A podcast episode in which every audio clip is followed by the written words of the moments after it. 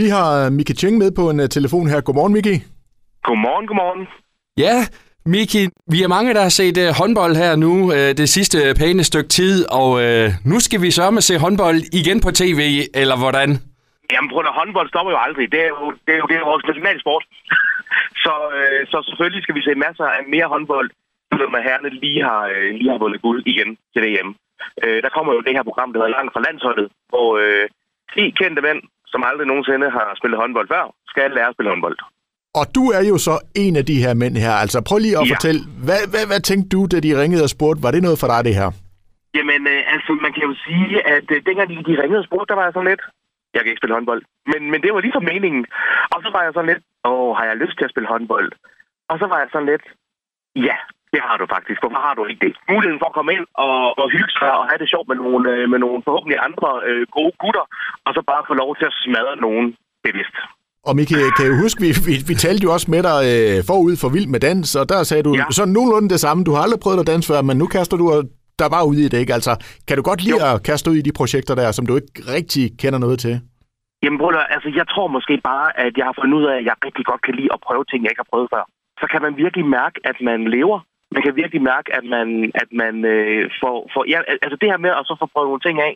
Jeg kender rigtig mange, som der, som der siger, ej, hvor jeg er ked af, at jeg ikke fik prøvet det her, eller jeg ikke fik gjort det her, eller, eller ja, sådan noget lignende. Og jeg, jeg har ikke lyst til, at, når jeg bliver gammel, at skulle se tilbage og sige, ej, hvor er det ærgerligt, at jeg ikke prøvede det, eller sagde ja til det.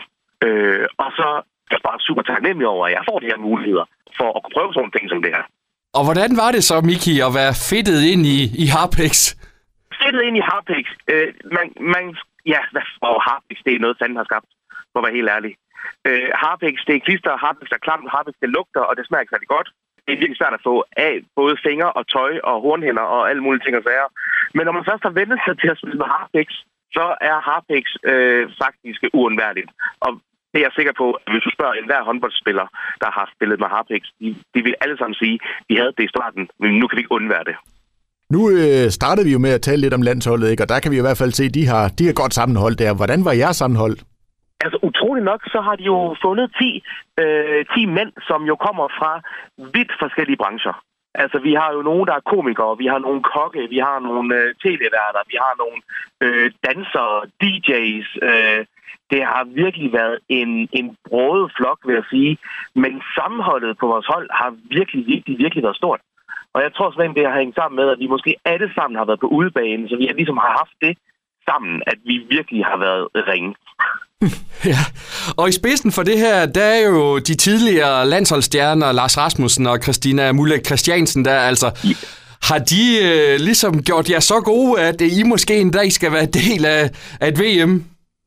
Altså, altså øh, når folk spørger, om vi er blevet gode, så kan jeg bedre lige at svare med sætningen. Vi blevet bedre fra det, vi startede. Okay. Men nu i hvert fald, øh, ja. øh, altså Lars, han er jo sådan lidt kendt som en, en hissigprop der, ikke? Altså, fik I ham op i det røde felt en gang imellem? Ja. Jamen, prøv at øh, Lars, han er jo, Lars, han er jo sådan helt ægte. Der er Lars jo god, som dagen er lang. Øh, men når der går sport i den, og når der går konkurrence i den, så ved jeg simpelthen ikke, hvad der sker med den lille, lille mand. Altså, han, der er jo blodtryk nok til tre mennesker i ham, når det handler om konkurrence.